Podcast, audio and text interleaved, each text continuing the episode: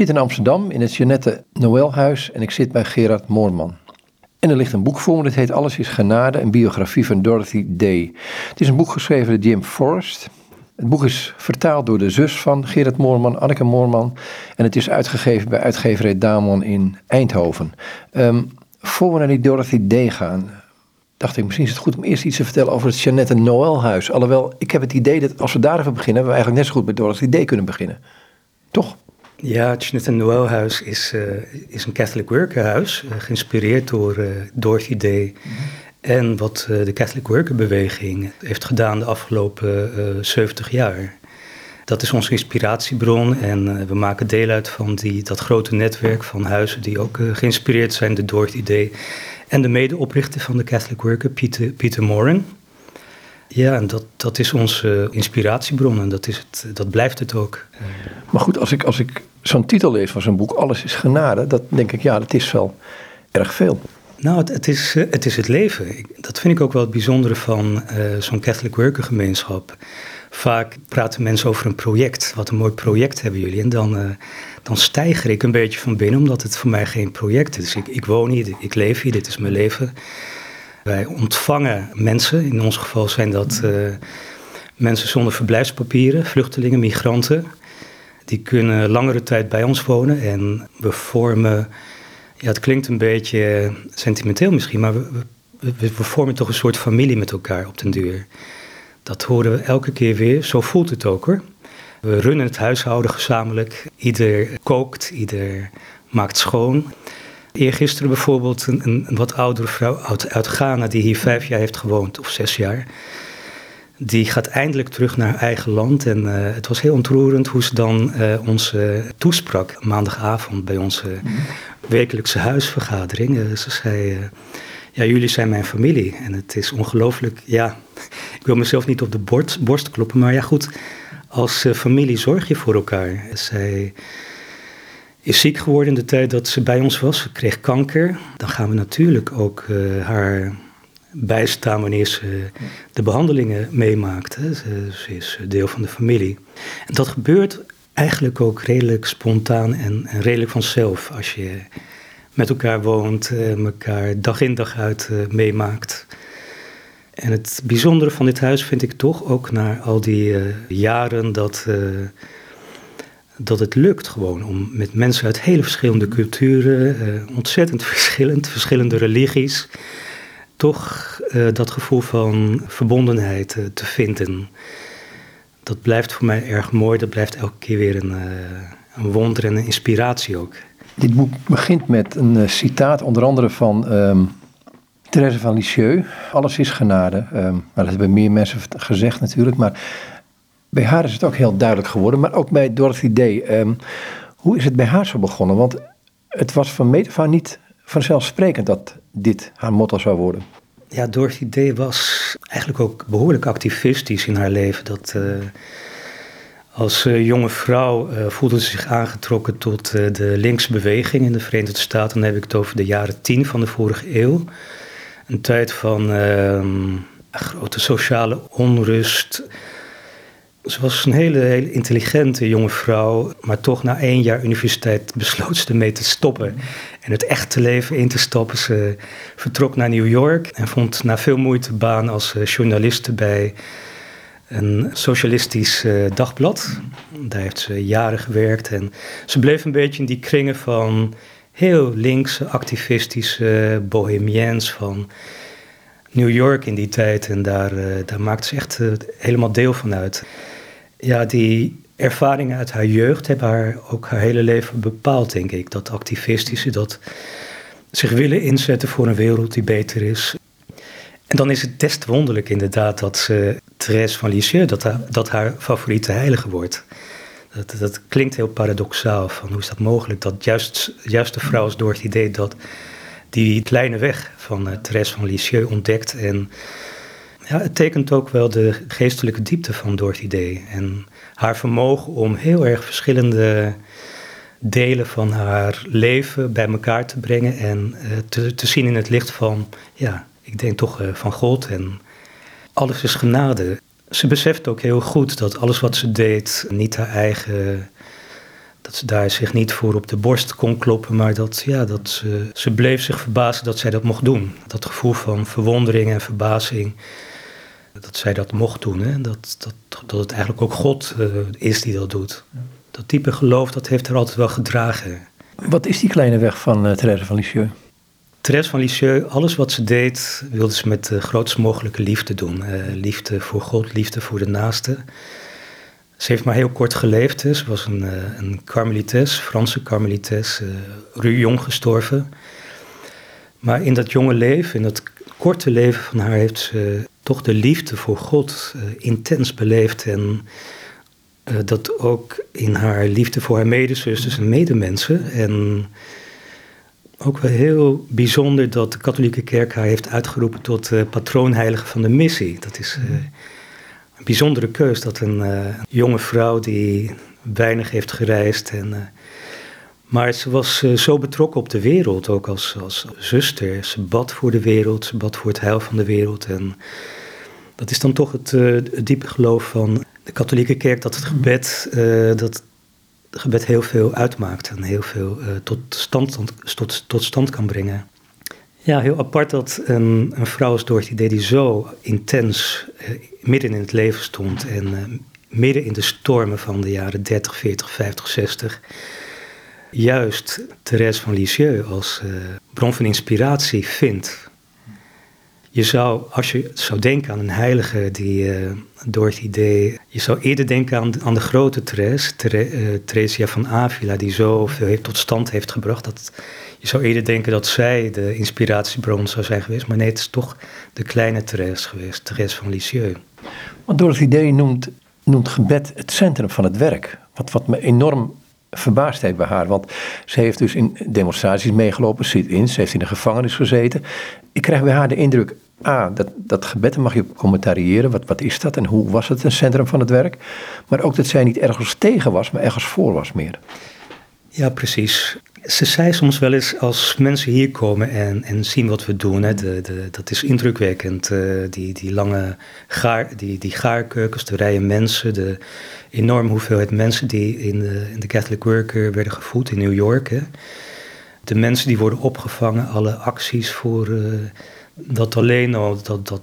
Maar als mensen niet begrijpen dat gebed de kern is van wat van het Catholic worker leven, dan hebben ze het helemaal niet begrepen, zei ze altijd.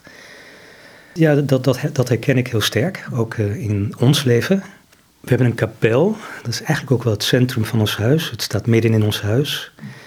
Ja, het geeft ook aan waar, wat voor ons de prioriteit is, wat, wat, wat de bron is van waaruit we willen leven ik moet zeggen dat Dorothy Day voor mij ook wel. Het is uitdagend zoals zij uh, dat zo gedisciplineerd beleefde en, en leefde.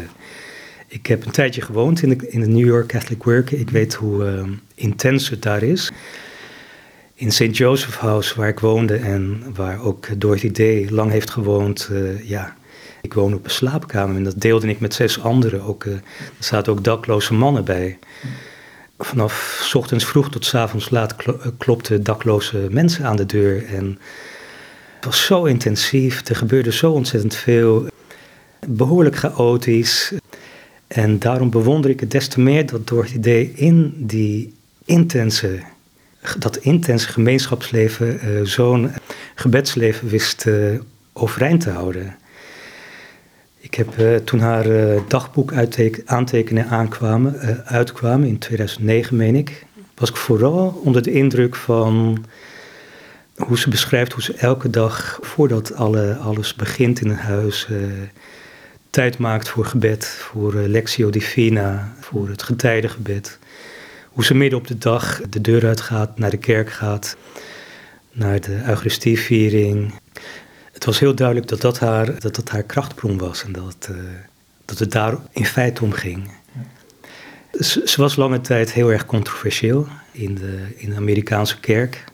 Om haar uh, radicale politieke standpunten, haar uh, pacifisme ten tijde van de Spaanse burgeroorlog en ook in de Tweede Wereldoorlog. Haar verzet tegen nucleaire wapens, waardoor ze ook een paar keer in de gevangenis is beland maar zo aan het eind van haar leven uh, begonnen steeds meer mensen haar uh, een heilige te noemen.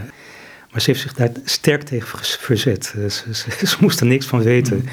Ik denk omdat ze ook wel haar eigen tekortkomingen heel goed aanvoelde. Maar ze vond het ook wel te makkelijk als mensen haar een heilige noemden. Alsof dat wat zij deed niet ook door anderen gedaan kon worden. Tegelijk zei ze heel vaak van, ja, het christelijke leven, dat, dat draait toch ook om het streven naar heiligheid. Dat, uh, dat vers uit uh, Matthäus, uh, wees heilig zoals ik heilig ben, dat nam ze heel serieus. Maar daar, daar zit dus een bepaalde paradox. Haar geloof dat het de opdracht is van elke christen om daarnaar te streven en tegelijk haar afwijzen wanneer, wanneer mensen dat veel te gemakkelijk over haar zeiden en haar, haar irritatie daarover. Ja. Wat was volgens haar heiligheid? Nou, Dorothy Day was ook sterk aangetrokken door de, de orthodoxe eh, theologie en spiritualiteit.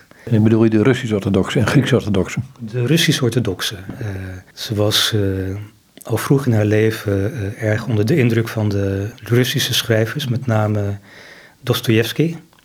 Ik denk dat het dat haar ook wel op, op de weg heeft gezet naar eh, de Russisch-orthodoxe theologie en spiritualiteit. Ze heeft ook wel dat beroemde boek gelezen, De Weg van de Pelgrim, waarin uh, een anonieme schrijver, een anonieme pelgrim, schrijft over zijn poging om voortdurend te bidden, door een bepaald gebed uit te spreken. Ik denk dat zij ook wel ernaar streeft om telkens, uh, om elk moment van de dag in de aanwezigheid van God te verkeren en die verbinding met God te beleven en, en te koesteren. Haar leven te bouwen op hoe zij het evangelie begreep. Dat vind ik met name ook zo indrukwekkend, hoe ze dat heel origineel en creatief durfde te doen. In de jaren dertig, nou, ze, was, ze heeft ze bekeerd tot de katholieke kerk in uh, de late jaren twintig, toen ze zwanger was van haar dochter Tamar. In 1927 geloof ik uh, is ze uh, gedoopt. Maar ze heeft wel een hele tijd gezocht voordat zij vrede had met aan de ene kant haar geloof, waar ze echt behoefte aan had. Ze had behoefte aan dat anker, dat het geloof haar bood. En dat de tradities van de katholieke kerk haar boden. En haar uh, verlangen om betere uh, sociale systemen, een, betere samenleving eraan te werken. En er was zoveel onrecht, zoveel armoede, uh, zoveel geweld. waar zij zich tegen bleef verzetten, ook als katholiek. Haar ontmoeting met Pierre Morin, Pieter Morin, bood juist die weg om die twee kanten van haar persoonlijkheid met elkaar te verenigen.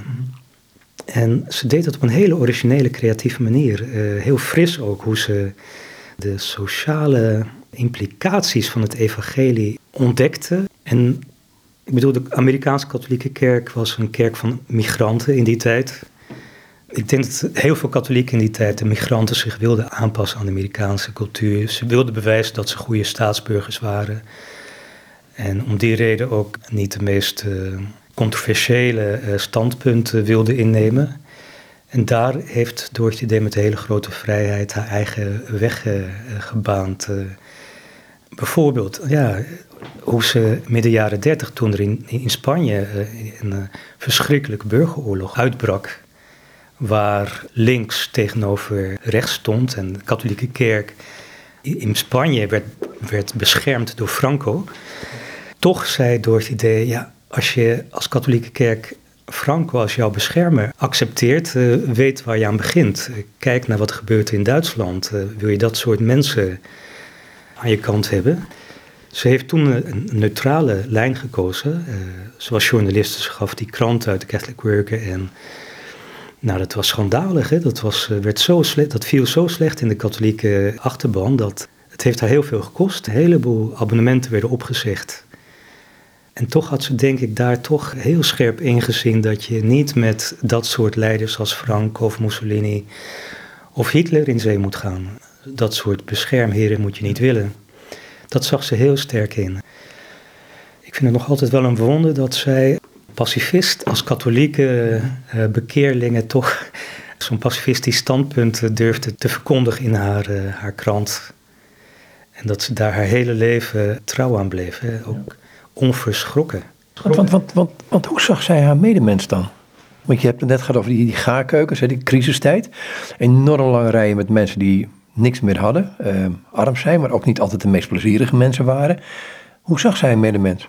De medemens, elk, elk mens is kind van God. Dat nam ze heel erg serieus. Elk mens is mijn broer en zus. Of dat nou mensen zijn van een andere sociale klasse, daklozen, ook mensen met alcoholproblemen, drugsproblemen. Maar ook mensen van andere religies, andere landen. Ze weigerden om mee te gaan met, met nationalistische praat. Met, uh, omdat ze zo duidelijk wist en dat elk mens haar, haar broer en dat we, dat, we, dat we familie zijn. Dat we allemaal kinderen zijn van God. Onafhankelijk uh, of wat de achtergrond precies is van de ander. Dat nam ze heel serieus. Wat dat betreft, uh, ik vind dat ze erg lijkt op Franciscus van Assisi, die, die op een bepaalde manier de Bijbel las en dat zo serieus nam en in de praktijk wilde brengen. Dat soort Franciscaans lezen van, van de Bijbel zie ik ook bij, bij Dorothy Day. Ik zou het zelf een, een, een plezierig soort fundamentalisme noemen. Mhm. Serieus nemen, heel letterlijk, zo staat het en zo, zo, moet, het, zo moet ik het uh, in de praktijk brengen. En daar zie ik heel veel eh, overeenkomsten tussen uh, Franciscus van Assisi en Dorothy Day. Dorothy Day in een 20e eeuwse context, met een bepaalde politieke scherpte, die, die ook door de politieke theorieën van de 19e en 20e eeuw zijn gevoed. Maar een evangelische frisheid uh, die zij bracht in de, in, het, uh, in de 20e eeuwse katholieke kerk, die me blijft verwonderen. Want had ook in, in wat zij deed. Um het was een, men noemt haar een anarchiste, terwijl ze misschien wel de, de anarch was, zoals in het boek staat. Nog een vrij sterke aanwezigheid daar. Ehm, toch had ze geen salaris. En ze keek op een bepaalde manier naar bezit, wat natuurlijk heel irritant is, want dat horen wij liever niet, denk ik. Ja, ja dat, dat, dat klopt. Dat is ook voor ons hier in het Jeanette Noëlhuis. Blijft dat, uh, blijven we vaak slikken hoor. Als we zo lezen wat zij schreef over armoede en uh, ja, dat was voor die tijd, hè? ja, precies.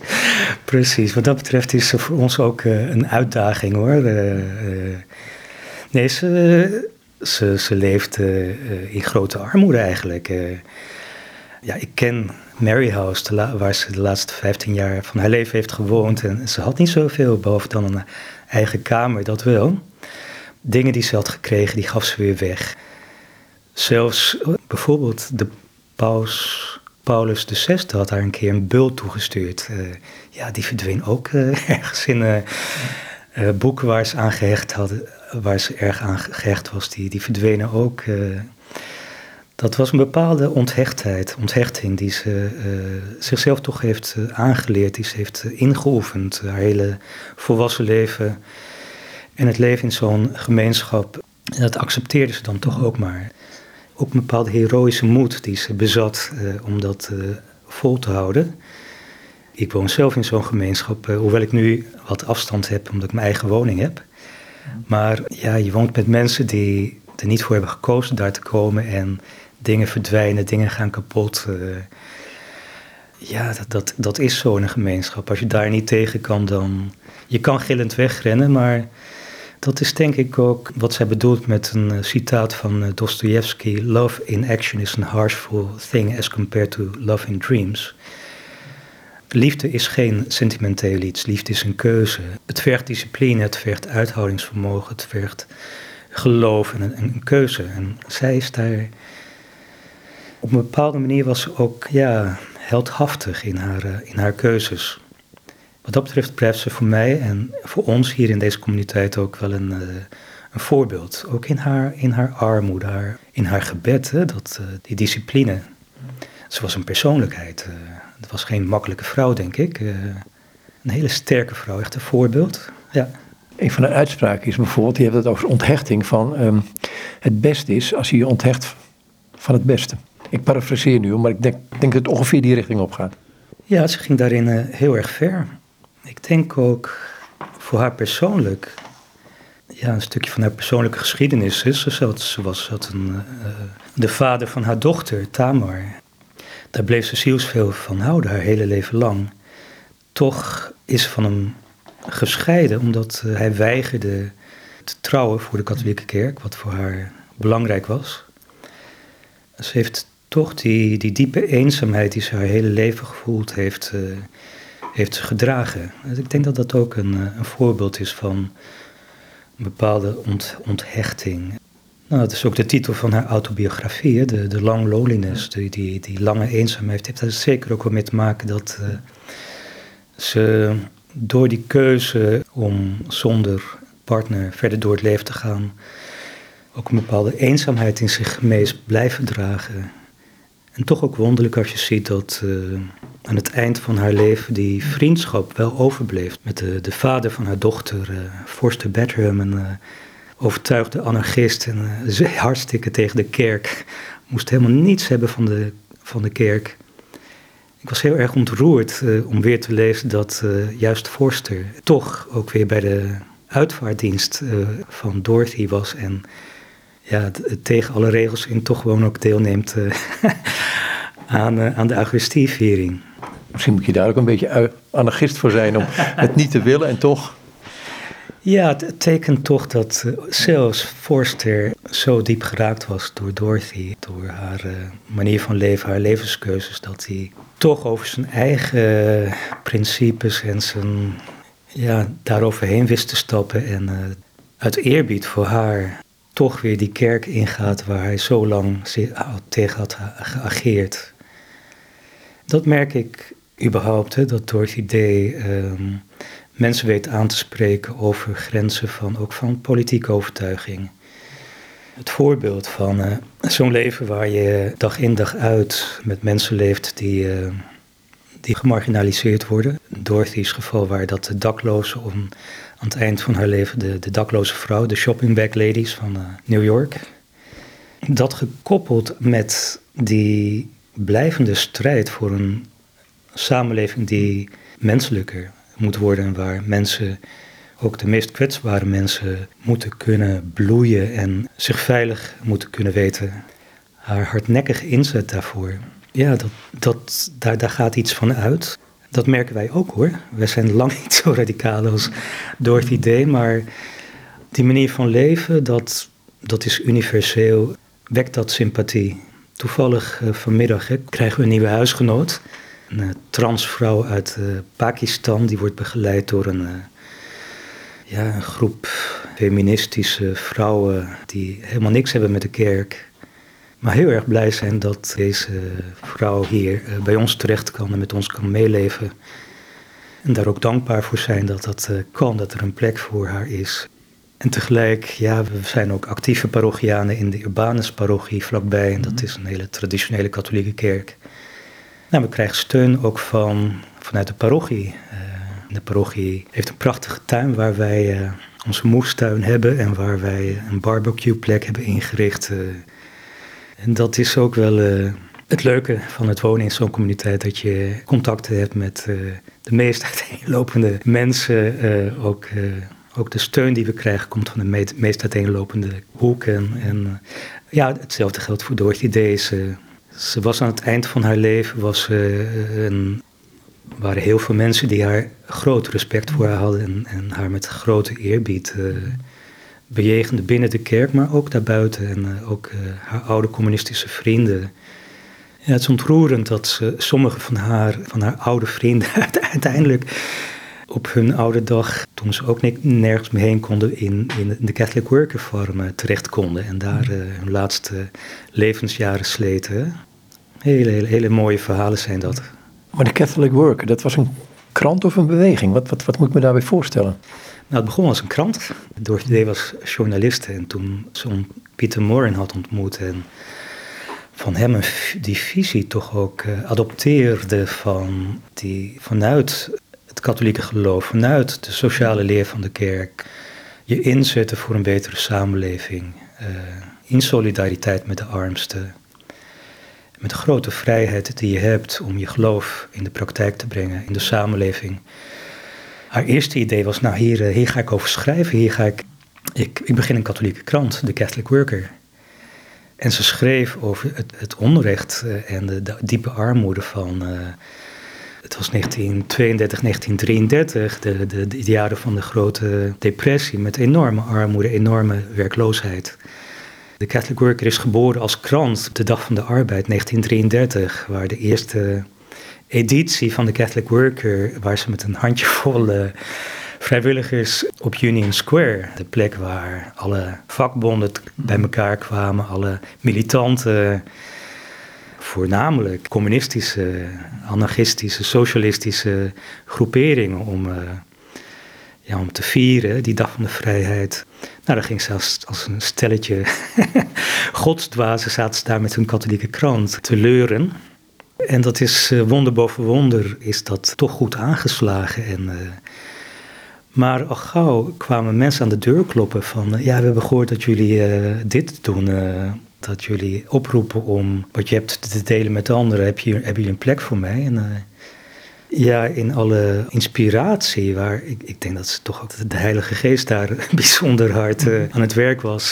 zei ze, oké, ja, oké, prima, dit moeten we doen eigenlijk gaf ze zelf ook wel toe dat ze ook wel was geïnspireerd door de manier waarop in de arbeidersbeweging een hele grote solidariteit onderling was. Hè. Dat in de anarchistische vakbond, de International Workers of the World, de, de Wobblies zoals die werden genoemd, dat er een enorme, enorme bereidheid was om elkaar bij te staan. En zij zei, dat moeten wij ook, dat is een voorbeeld voor ons. Dat, dat sluit eigenlijk naadloos aan op het evangelie, waar ook wij worden opgeroepen de, extra mijl te gaan met onze naasten, de, te delen wat we hebben.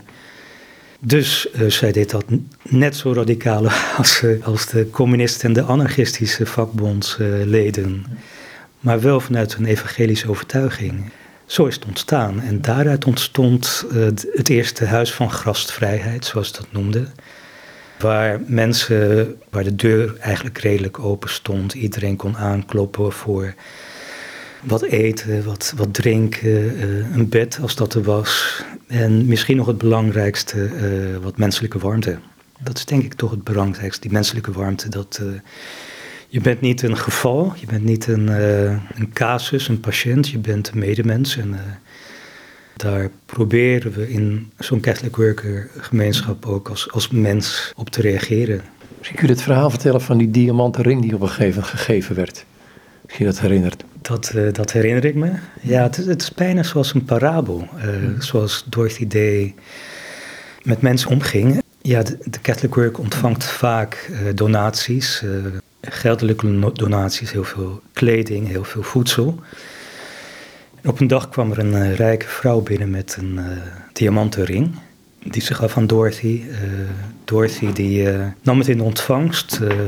en later op de dag kwam een van de vaste gasten. Ik weet niet meer hoe ze heette, die mevrouw. Maar ik ken het verhaal. Het wordt verteld door Jim Forrest in zijn boek. Hij leefde toen in, dat, in de Catholic Work communiteit. Hij vertelde dat het geen makkelijke vrouw was. Hele veel eisende vrouw. Maar Dorothy besloot om die ring aan haar te geven. Tot grote verbijstering van uh, de workers. Ze zeiden, ja, had je die ring niet beter weg kunnen brengen naar, naar, een juwelier en daar het geld voor innen? Maar Dorothy zei, nee, ook deze vrouw heeft haar waardigheid en deze vrouw mag ermee doen wat ze wil. En of ze dat nou zelf naar die, die, die, naar die juwelier brengt en daar wat geld voor krijgt, of dat zij iets doet wat wij misschien niet zo eh, verstandig vinden, dat, dat is aan haar. Die, die, die keuze heeft ze.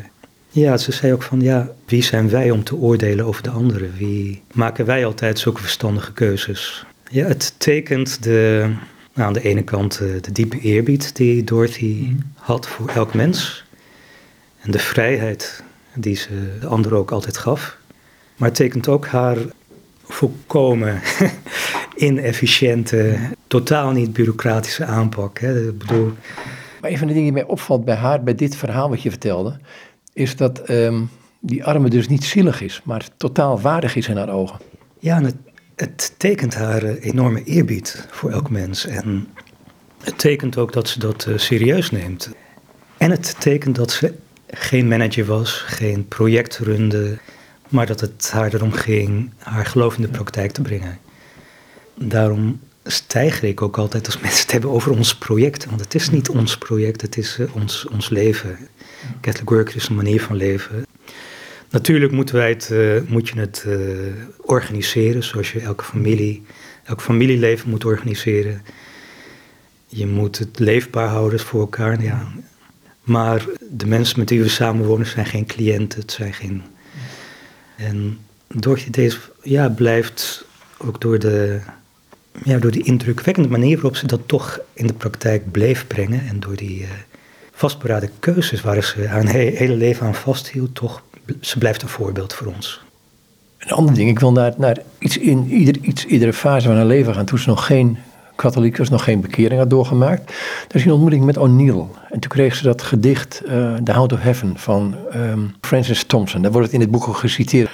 Kun je daar iets over vertellen? Want het was natuurlijk een heel raar moment dat je van iemand die totaal ook niets van de kerk moest weten, zo'n gedicht onder ogen krijgt. Nou, haar vriendschap met uh, Eugene O'Neill is, uh, is interessant, omdat mhm. ze verkeerde in die bohemian kringen van uh, Greenwich Village in de jaren tien van de 20e eeuw. met, met allemaal activisten, schrijvers, dichters, mensen die later, sommige daarvan zijn grootheden geworden in de literatuur, politiek. En Eugene O'Neill is wat dat betreft interessant, omdat in die hele groep, vriendengroep waarin zij verkeerden en die een ontmoetingsplek hadden in een bepaalde bar in Greenwich Village. Uh, juist Eugene was, een heel gevoelig mens en dat, die twee hebben elkaar daarop wel gevonden, die gevoeligheid voor, ook voor, uh, voor het mysterie van het leven. Eugene O'Neill is, wat dat betreft kan je ook wel spreken van een bepaalde religieuze gevoeligheid die mm. ook in dat uh, gedicht tot uiting komt. En hun vrienden, uh, die, die grapten wel eens over die twee van, uh, ja, over die, die religieuze kant die, die ze, die, waarvan ze voelden van dat, dat het ook die Eugene en Dorothy wel tot elkaar bracht. Het is ook wel interessant dat juist ook in die periode van haar leven toen Dorothy zo diep in die bohemian kringen zat en schreef voor uh, socialistische en communistische bladen. En s'avonds tot laat in de nacht na het werk met haar vrienden naar uh, bars gingen. En uh, toch voordat ze naar huis ging eventjes een kerk binnenstapte en eventjes in die sfeer van een kerk wilde verkeren. En daar ook van genoot, van, van die mystieke sfeer. Ja, dat, dat uh, zegt wel ook iets over die religieuze inborst van uh, Dorothy Day. En dat, dat, dat hadden die twee gemeen, denk ik. Eugene is nooit uh, katholiek geworden, voor zover ik weet. Hij heeft grote bekendheid verworven later in zijn leven.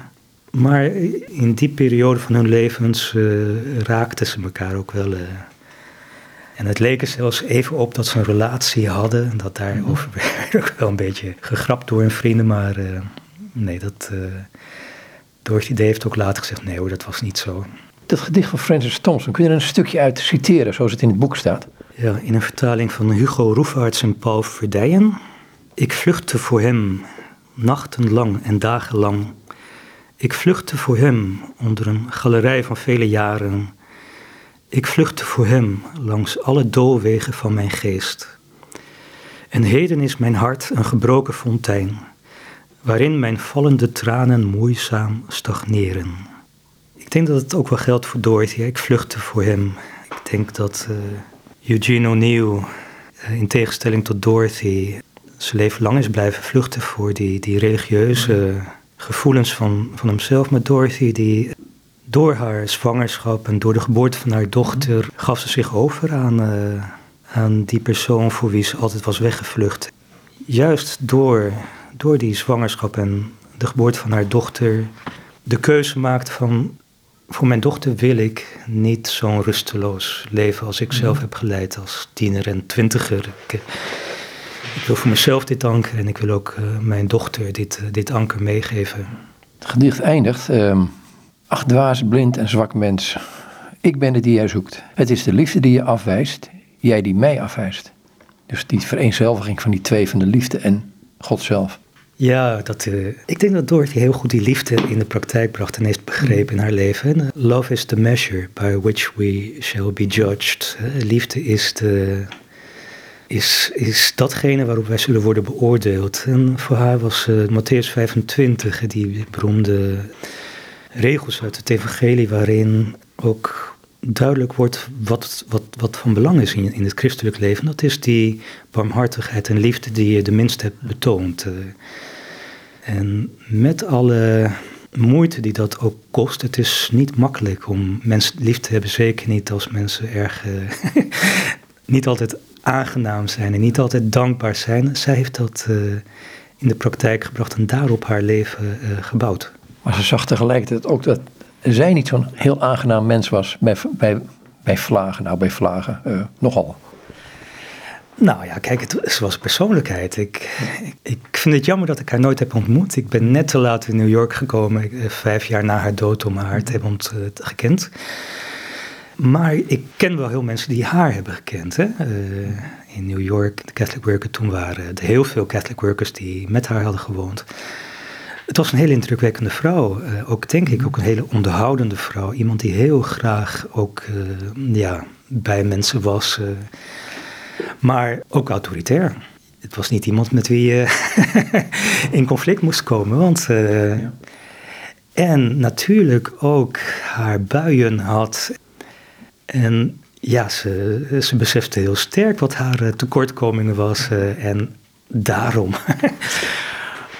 ook elke week ter biecht ging. Heel trouw trouwens. Dat was deel van haar geestelijke discipline elke week naar een te biecht. Want uh, ze wist hoe opvliegend ze was, hoe uh, beoordelend ze was. Uh, nee, het was ook geen makkelijke vrouw. Nee. Maar dat, dat moet je ook zijn, denk ik, als je zo'n beweging leidt. En, maar ik zou niet zeggen dat het een onaangename vrouw was. Ik, ik denk dat ze ook een hele warme, enorm gevoel voor humor.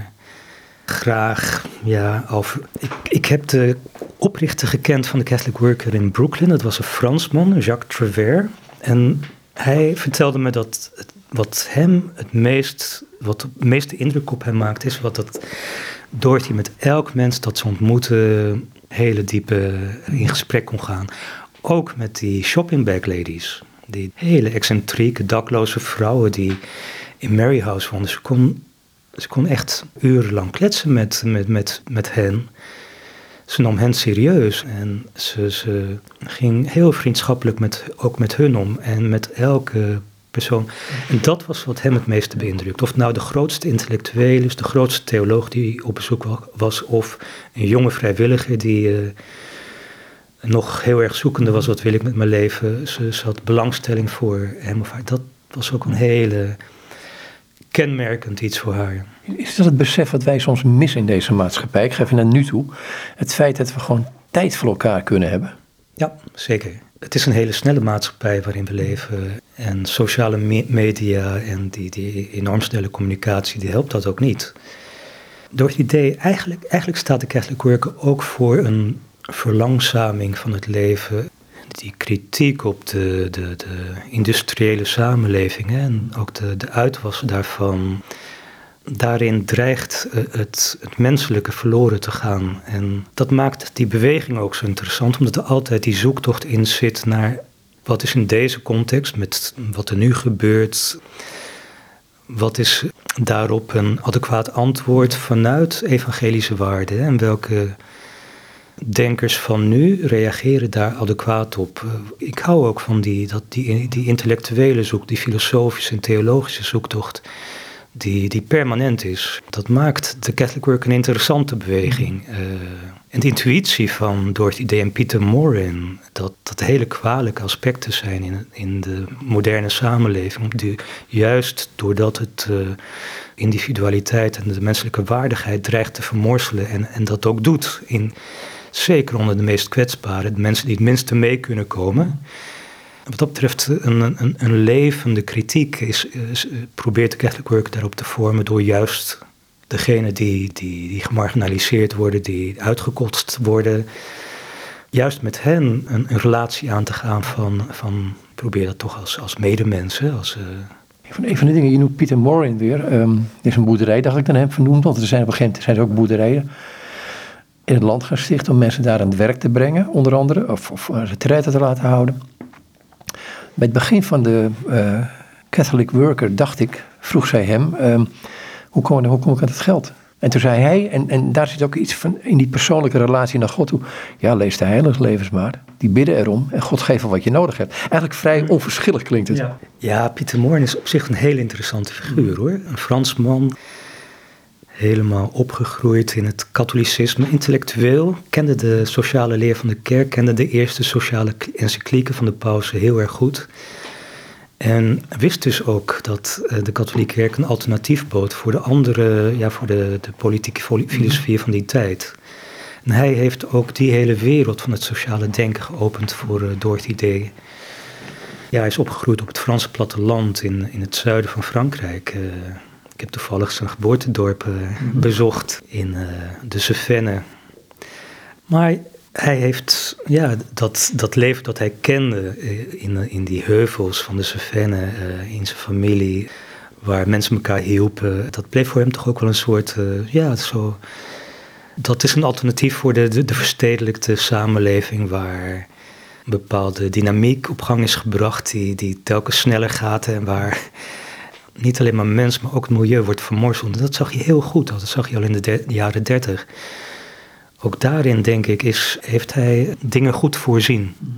Interessante is dat juist nu, nu die ecologische crisis uh, zo uh, zichtbaar wordt, zelfs in een klimaatverandering van het klimaat, dat nu jonge mensen die Peter Morin weer herontdekken van hey, al in de jaren dertig was de Catholic Worker hiermee bezig en, en zocht naar een alternatief. en juist de jonge mensen in, zijn nu erg bezig met Catholic Worker Farms en ook in onze communiteit hebben de jongere generatie is heel erg ecologisch bezig met recycling, met, met composting. Met, we proberen dat ook hier te doen met, met onze moestuin. Met, ja, en hier in onze stedelijke context zijn we behoorlijk activistisch, ook met de klimaatbeweging betrokken. Maar het is interessant dat de jongere garde binnen de Catholic Worker-beweging juist ook Pieter Morin herontdekt. En in de Verenigde Staten zijn nogal wat Catholic Worker Farms nu ontstaan de laatste 10, 15 jaar. Ja, ik merk ook, ik, ik sprak laatst een Engelsman bij ons in het dorp, die zag, ja, hij zegt, mijn visie is om de boeren, de producten die de boeren hebben, en ik heb het niet over de industriële onder de boeren, maar gewoon de producten die de boeren hebben, A, iets kleinschaliger te maken, dus beter betalen, maar ook om het dichter naar het dorp te brengen of dichter naar de stad te brengen. Ja, dat is uh, die beweging van uh, produceer en consumeer meer lokaal en meer van het seizoen. Hè. Dat is een beetje nu een, uh, toch een, uh, een, een, richting waar we meer naartoe moeten en minder van het uh, hele wereld overslepen van producten en goederen. Want ja, dat vergt zoveel van de draagkracht van de aarde. Dat is niet, niet houdbaar. Dat, dat kunnen we als mensheid ook niet, niet, niet volhouden. Een ander, een ander mens die um veel invloed op haar leven heeft gehad, is John Hugo geweest, een priester. Ze heeft een retraite gehad. Op een gegeven moment zei de jongens tegen haar van het is eens tijd dat je gewoon eens een jaartje uitgaat en gewoon eens uh, in de stilte komt. Ja, het, was, het waren natuurlijk zeker die beginjaren van de Catholic Worker, waren tropenjaren voor Dorothy mm Day. Ze was toch, toch de leider, hoe je het of bent of keert. Eh, Pierre Morin was misschien wel de, de inspirator, maar Dorothy Day was degene die dat uh, praktisch ook regelde en, en degene naar wie mensen keken en die dus ook wel alle, alle klappen opvingen. Het was verschrikkelijk zwaar. En ook al had ze een, vanaf het begin uh, een, een, geestelijke discipline, dat was op den duur toch niet genoeg. En uh, ze brandde denk ik ook wel redelijk op uh, begin, in, in, begin jaren 40 en voelde die behoefte om, om er voor langere tijd uit te gaan voor haar kwam het op een goed moment dat ze uh, uh, die priester, Pacifique Roy, ontmoette. Mm -hmm. En John Hugo, uh, iemand die evenals Pacifique Roy een bepaalde retraite gaf. Door het idee, het heeft haar heel erg geholpen om haar geestelijke leven te verankeren in het dagelijks leven. Ik denk dat dat haar de rest van haar leven heeft geholpen en haar door die decennia heen uh, heeft geholpen om trouw te blijven aan dat Catholic worker leven. In de jaren 40 speelde ze zelfs even met de rol, om, uh, met, de, met de gedachte om zich terug te trekken uit de beweging in een soort, als een soort uh, kluisnares of als een à la, à Charles de Foucault in een arme wijk te wonen en een gebedsleven te leiden. Dat, dat was een model dat haar erg heeft aangetrokken. Maar uiteindelijk legde ze zich erbij neer dat uh, dat toch niet voor haar was weggelegd. Uh, Ze voelde zich op een bepaalde manier toch thuis in die intensiteit van het leven. Ze heeft daarmee toch een nieuwe weg gebaand voor, uh, voor veel gelovigen. Kwam ze door die, die retretes met John Hugo, om nog even bij te blijven, kwam ze daardoor meer op het, in het besef, ook in de relatie met, uh, dat God erbij is, dat Hij er is, dat ze de dingen voor Hem kan doen. Dat het niet alleen maar, ik eerder terug naar haar leven ga, voordat ze tot bekering kwam, uh, ze heeft een abortus gekregen. In hoeverre uh, werkte die schuld bijvoorbeeld door in haar leven? Of dingen als, um, nou dat, die, dat je gewoon met, met het verdurende maar zit van, oh, um, ik heb nu wel een dochter, maar het hadden er meer kunnen zijn. Nou, ik weet niet of ze nou zo'n spijt dat het, dat het er niet meer zijn geweest. Ze was intens dankbaar dat, uh, dat ze een kind kreeg, want haar abortus was niet alleen maar heel traumatisch, maar die is ook heel moeizaam verlopen. En ze ging er lange tijd vanuit dat ze geen kinderen kon krijgen daardoor. Dus toen ze toch zwanger werd, was dat voor haar een wonder en een, een bron van grote dankbaarheid. Maar ze heeft inderdaad uh, heel lang ook is ze blijven rondlopen met dat schuldgevoel van uh, die abortus. Uh, ja, ze, ze, heeft, ze, heeft, het ook. Ze, was er ook niet helemaal open over. In haar autobiografie wilde ze daar ook, ook niet over schrijven. Mm -hmm. ik, ik, zelf kwam er pas later achter, zo door, ja, door wat we onderling met elkaar uh, als Catholic workers zo vertelden over door het idee. Maar hele lange tijd was het helemaal niet bekend. Het was ook wel een. een ze, ze, ze, wilde er zelf ook niet over uh, spreken of schrijven. Tegelijk, weet je, gaf ze andere vrouwen die ook abortus hadden uh, gepleegd. het zijn wel brieven van haar, correspondenties van andere vrouwen die ook getraumatiseerd waren door hun abortus. En die ze een hart onder de riem stak van. Ik zelf heb het ook gedaan. Ik heb zelf meegemaakt. Het is niet het. Dat is, uh, God geeft altijd een nieuwe kans. Ik, ik zou niet zeggen dat dat de reden was waarom ze de weg is gegaan die ze is gegaan. Uh, ze heeft dat wel altijd meegedragen als een, denk ik, een, een, een last die ze meedroeg. Maar ik zou niet zeggen dat dat de impuls is geweest die haar gebracht heeft tot pad is gegaan toen ze de Catholic Worker begon. Dat, dat, dat denk ik niet. Misschien kunnen we eindigen met gewoon een paar stukken die zij um, aan het eind van haar leven schreef. 1975 hier een stuk. Ik vind het wel heel erg... Um, het, het, typeert haar wel. En dan weet ik dat we het in de uitzending helemaal niet gehad hebben over al protesten, haar gevangenschappen en weet ik allemaal meer. Maar um, ik ben zo nieuwsgierig uit het mens zelf. Hè? Zal ik het citaat even lezen? Het geloof omarmen is als het kussen van een melaatse. Alsof je een sprong waagt over een ravijn van de ene wereld naar de andere. Alsof je je laat vallen in een pijloze afgrond waar je in de diepte voor eeuwig wordt gedragen. Ik lees erin uh, dat voor haar het christelijk geloof uh, en de keuze om het evangelie serieus te nemen en die weg te gaan, een, een, weg ook is van telkens weer risico's nemen, telkens weer vertrouwen op. Want het, het evangelie is, uh, vraagt veel, het vraagt heel veel vertrouwen loslaten. Um, vertrouwen op God, maar ook vertrouwen op, op de woorden van Jezus, wanneer hij zegt: Wees niet bezorgd om de dag van morgen, de, dag van morgen zorgt voor zichzelf. Heb je vijanden lief. Zij durft het aan om daarop haar leven te bouwen. Ik, ik, ik, denk, ik moet ook denken aan wat ik meen in het. In Matthäus 7 staat over het, uh, het huis op de rots en het huis op het zand. Ik denk dat als je je leven bouwt op uh, bezit, op roem, op macht, geld, dat zijn allemaal vergankelijke dingen die uiteindelijk ook wegspoelen. Zij durft het aan om haar leven te bouwen op die rots, wat tot levenskeuzes leidt die in de ogen van de wereld soms een beetje onverstandig of waanzinnig of heel erg gedurfd zijn. Maar zij, zij heeft haar leven daarop gebouwd. Uh, zo, zo, lees ik deze tekst ook. Het, een sprongwagen over een ravijn. Je laat vallen in een pijloze afgrond. Ik moet ook denken aan Petrus, die uh, uh, op het meer in een storm, die Jezus ziet lopen en Jezus roept hem. Hij stapt de boot uit, neemt een paar stappen, maar zinkt in het water. Het, het, is ook zoiets als het, op het. Misschien is dat ook wel wat Jezus deed: op het water lopen. Het onmogelijke doen door te vertrouwen op God. Ja. ja. zo lees ik deze tekst. Dat, dat, het is ook een bepaald avontuur die ze aanging. Ja. ja. Het is een avontuurlijk leven. Als je echt een avontuur wil, moet je het evangelie uh, uh, leven. Dan wordt het er niet makkelijker op, kan ik je voorspellen. Nee, nee, nee, dat geloof ik ook niet. Maar uh, het maakt het wel de moeite waard. hey, dit boek, hè? Um, dit boek Alles is genade, een biografie van Dorothy Day. Um, wat springt er voor jou uit als jij want we hebben het over een aantal dingen gehad, niet eens over alles wat, wat haar leven betreft. We hebben het niet gehad over haar demonstraties um, tegen de Vietnamoorlog, waar ik ook nog in gelopen heb in de tijd. Um, maar wat springt er voor jou uit bij, deze, bij dit boek? Haar lef. En dan meer in de Joodse zin. Lef uh, als hart. Haar uh, moed om keuzes te maken en bij die keuzes te blijven. Of het nou politieke keuzes waren of religieuze keuzes. Uh, allebei is belangrijk.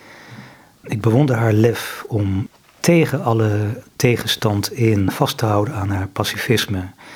Ook toen dat door binnen de Catholic Worker zelf controversieel was tijdens de Tweede Wereldoorlog.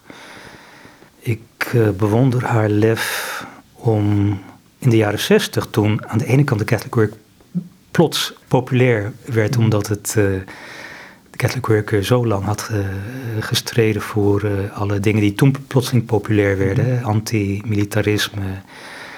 Maar dat zij zei van ja, als het gebed ontbreekt, dan, dan betekent het niks meer. Dat ze haar innerlijke kompas durfde te blijven volgen. Interessant, nog, nog een heilige. We hebben het over Thérèse van Lisieux gehad, maar een andere favoriete heilige van haar was Jeanne d'Arc. Mhm. Ook wel een hele aparte keuze, want dat is een, een jonge vrouw die gevochten heeft hè, tegen de Engelse strijd van de Fransen tegen de Engelse overheersers. Maar waar het haar om ging was, uh, Jeanne d'Arc was, bleef trouw aan haar geweten. Dat maakte Jeanne d'Arc voor haar ook zo'n bron van inspiratie. En op een bepaalde manier was ook door het idee een soort Jeanne d'Arc, die onverschrokken streed voor waar ze in geloofde. Ja, het was ook de held van Therese van Lisieux, dacht ik, in haar jonge leven. Maar goed, hey, zou je nog deze twee kleine deze twee dagboek-entrees kunnen lezen, gewoon om even de smaak te pakken te krijgen uh, van hoe zij schrijft en hoe, wie zij is. We hebben er heel veel over gezegd. Ja, het eerste citaat, daar, daar citeert ze trouwens uh, iemand anders, William James. Ze citeren graag en vaak uh, anderen. Mm -hmm. het luidt als volgt. Ik ben tegen het grote en grootheid in al hun vormen. En voor de onzichtbare moleculaire morele krachten die werkzaam zijn tussen individuen, die zich hun weg banen door de barsten van de wereld als de draden van een schimmel, of als het haarfijne doorcijpelen van water, en toch de grootste menselijke monumenten van trots weten te breken indien ze voldoende tijd krijgen. Hoe groter de eenheid is waarmee je te maken krijgt, hoe holler, breder, leugnachtiger het leven zal zijn. Ik ben dus principieel tegen alle grote organisaties, eerst en vooral op nationaal niveau, tegen alle grote successen en alle grote resultaten. Ik ben voor de eeuwige krachten van de waarheid, die altijd op het niveau van het individu werkzaam zijn en op korte termijn onsuccesvol lijken, altijd onderdrukt, tot de geschiedenis zich ontplooit en hen lang na hun dood een voorname plaats geeft. Een ander citaat uit een column van uh, Dorothy in 1974. dat, dat, is die column on pilgrimage, dacht ik, hè, wat ze in de Catholic Worker altijd schreef. Ja. Ze had een uh, eigen vaste column in uh, de Catholic Worker krant, on pilgrimage, op pelgrimstocht. En in 1974 schreef ze het volgende. De wereld zal worden gered door schoonheid, schreef Dostoevsky. Solzhenitsyn citeerde dit tijdens zijn dankwoord bij zijn aanvaarding van de Nobelprijs voor de literatuur. Als ik terugkijk naar mijn kindertijd, herinner ik me schoonheid. De zoete geur van klaver op een stuk braak liggende grond. Wat gras dat hoopvol opkomt tussen de tegels van het trottoir in de stad. Een veer die een of andere duif heeft laten vallen. Een kat die op jacht is. Ruskin schreef over de plicht om te genieten. En vertelde ons dat we onze blik naar boven moeten richten, zodat we de wolkenformaties in de hemel zouden zien. Ik heb de zon zien opkomen aan het eind van een straat in New York boven de East River. Ik heb altijd een vreemde schoonheid gevonden in de leidende gezichten die ons omgeven in de stad. Zwarte, bruine en grijze hoofden die over de borden met voedsel zijn gebogen. Dat zo noodzakelijke voedsel dat er altijd is in St. Joseph's House. We raken allemaal op de een of andere manier betrokken bij die daad van gastvrijheid. Zoveel die komen eten, komen later terug om het eten op te dienen en worden deel van de familie. Ik wil nou het hierbij laten. Dankjewel voor dit gesprek. Ja, graag gedaan. Dit zei Gerard Moorman en met hem was ik in gesprek over Alles is genade, een biografie van Dorothy Day, geschreven door Jim Forrest. Het boek is uitgegeven bij uitgever Damon in Eindhoven. Goed, zoals ik al zei, tot zover dit gesprek met Gerard Moorman.